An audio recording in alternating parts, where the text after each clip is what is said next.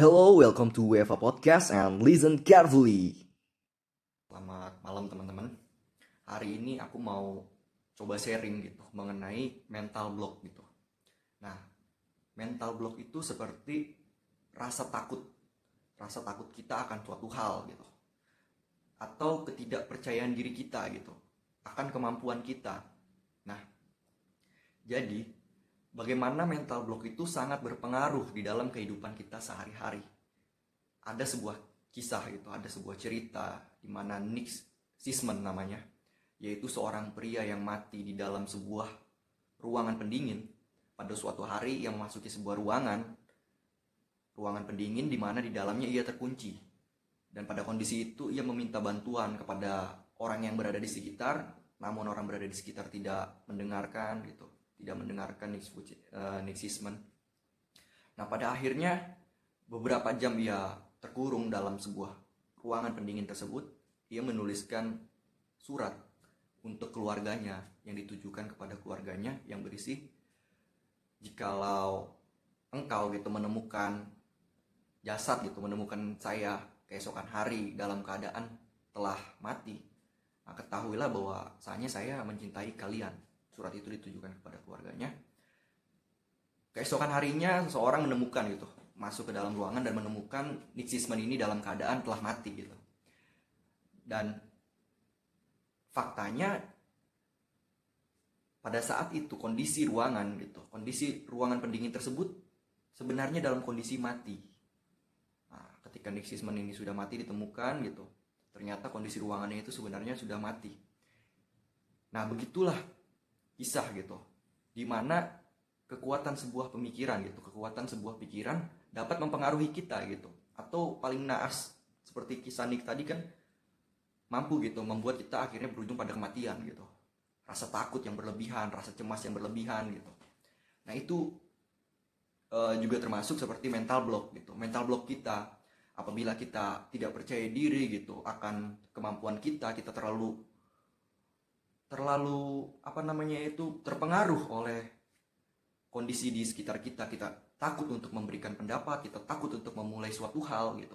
Nah itu cenderung tidak bagus apabila kita berlebihan. Bagaimana caranya? Yaitu coba agar kita keluar dari mental block gitu. Agar kita mampu ini untuk yang ingin memulai sebuah usaha gitu.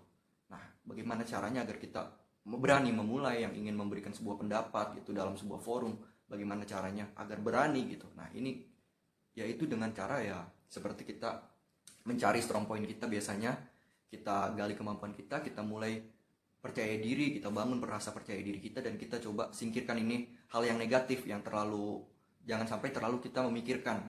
Nah jadi uh, selain kita memang harus menyingkirkan gitu atau tidak terlalu memikirkan hal-hal yang negatif gitu hal-hal yang kita takutin itu uh, kita juga memang harus uh, apa namanya tuh mengalihkan biasanya gitu. Ada beberapa orang yang uh, mengalihkan gitu yang kita takut gitu ketakutan kita.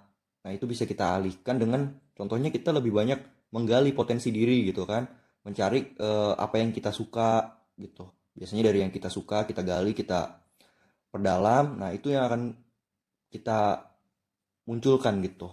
Kita jadikan kekuatan gitu jadi kita nggak usah terlalu cemas terhadap apa yang kita takut. Akhirnya kita tidak memulai sesuatu. Itu sih yang membuat kita lebih akhirnya malah nggak berkembang gitu kan.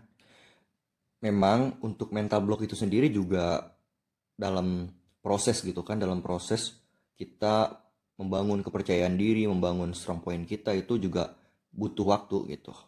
Uh, di mana kita juga perlu teman-teman gitu atau lingkungan sekitar kita yang mendukung gitu uh, yang mensupport kita gitu kan yang dapat memberikan masukan-masukan yang akhirnya membangun kita. Nah itu kita perlu bergabung gitu kan kita perlu mendekatkan diri uh,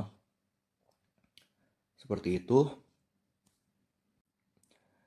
Uh, nah jika kita berhasil gitu kan dalam mengatasi mental block tadi gitu dalam membangun kepercayaan diri kita memunculkan strong point itu tentunya akan sangat positif dampaknya gitu uh, teman-teman juga di sini mungkin akan sangat merasakan bahwasanya akan ada perubahan gitu dalam terutama dalam aktivitas kita sehari-hari gitu atau dalam kita melakukan sebuah pekerjaan, memulai pekerjaan itu tentu hasilnya juga akan sangat berbeda dari sebelumnya gitu.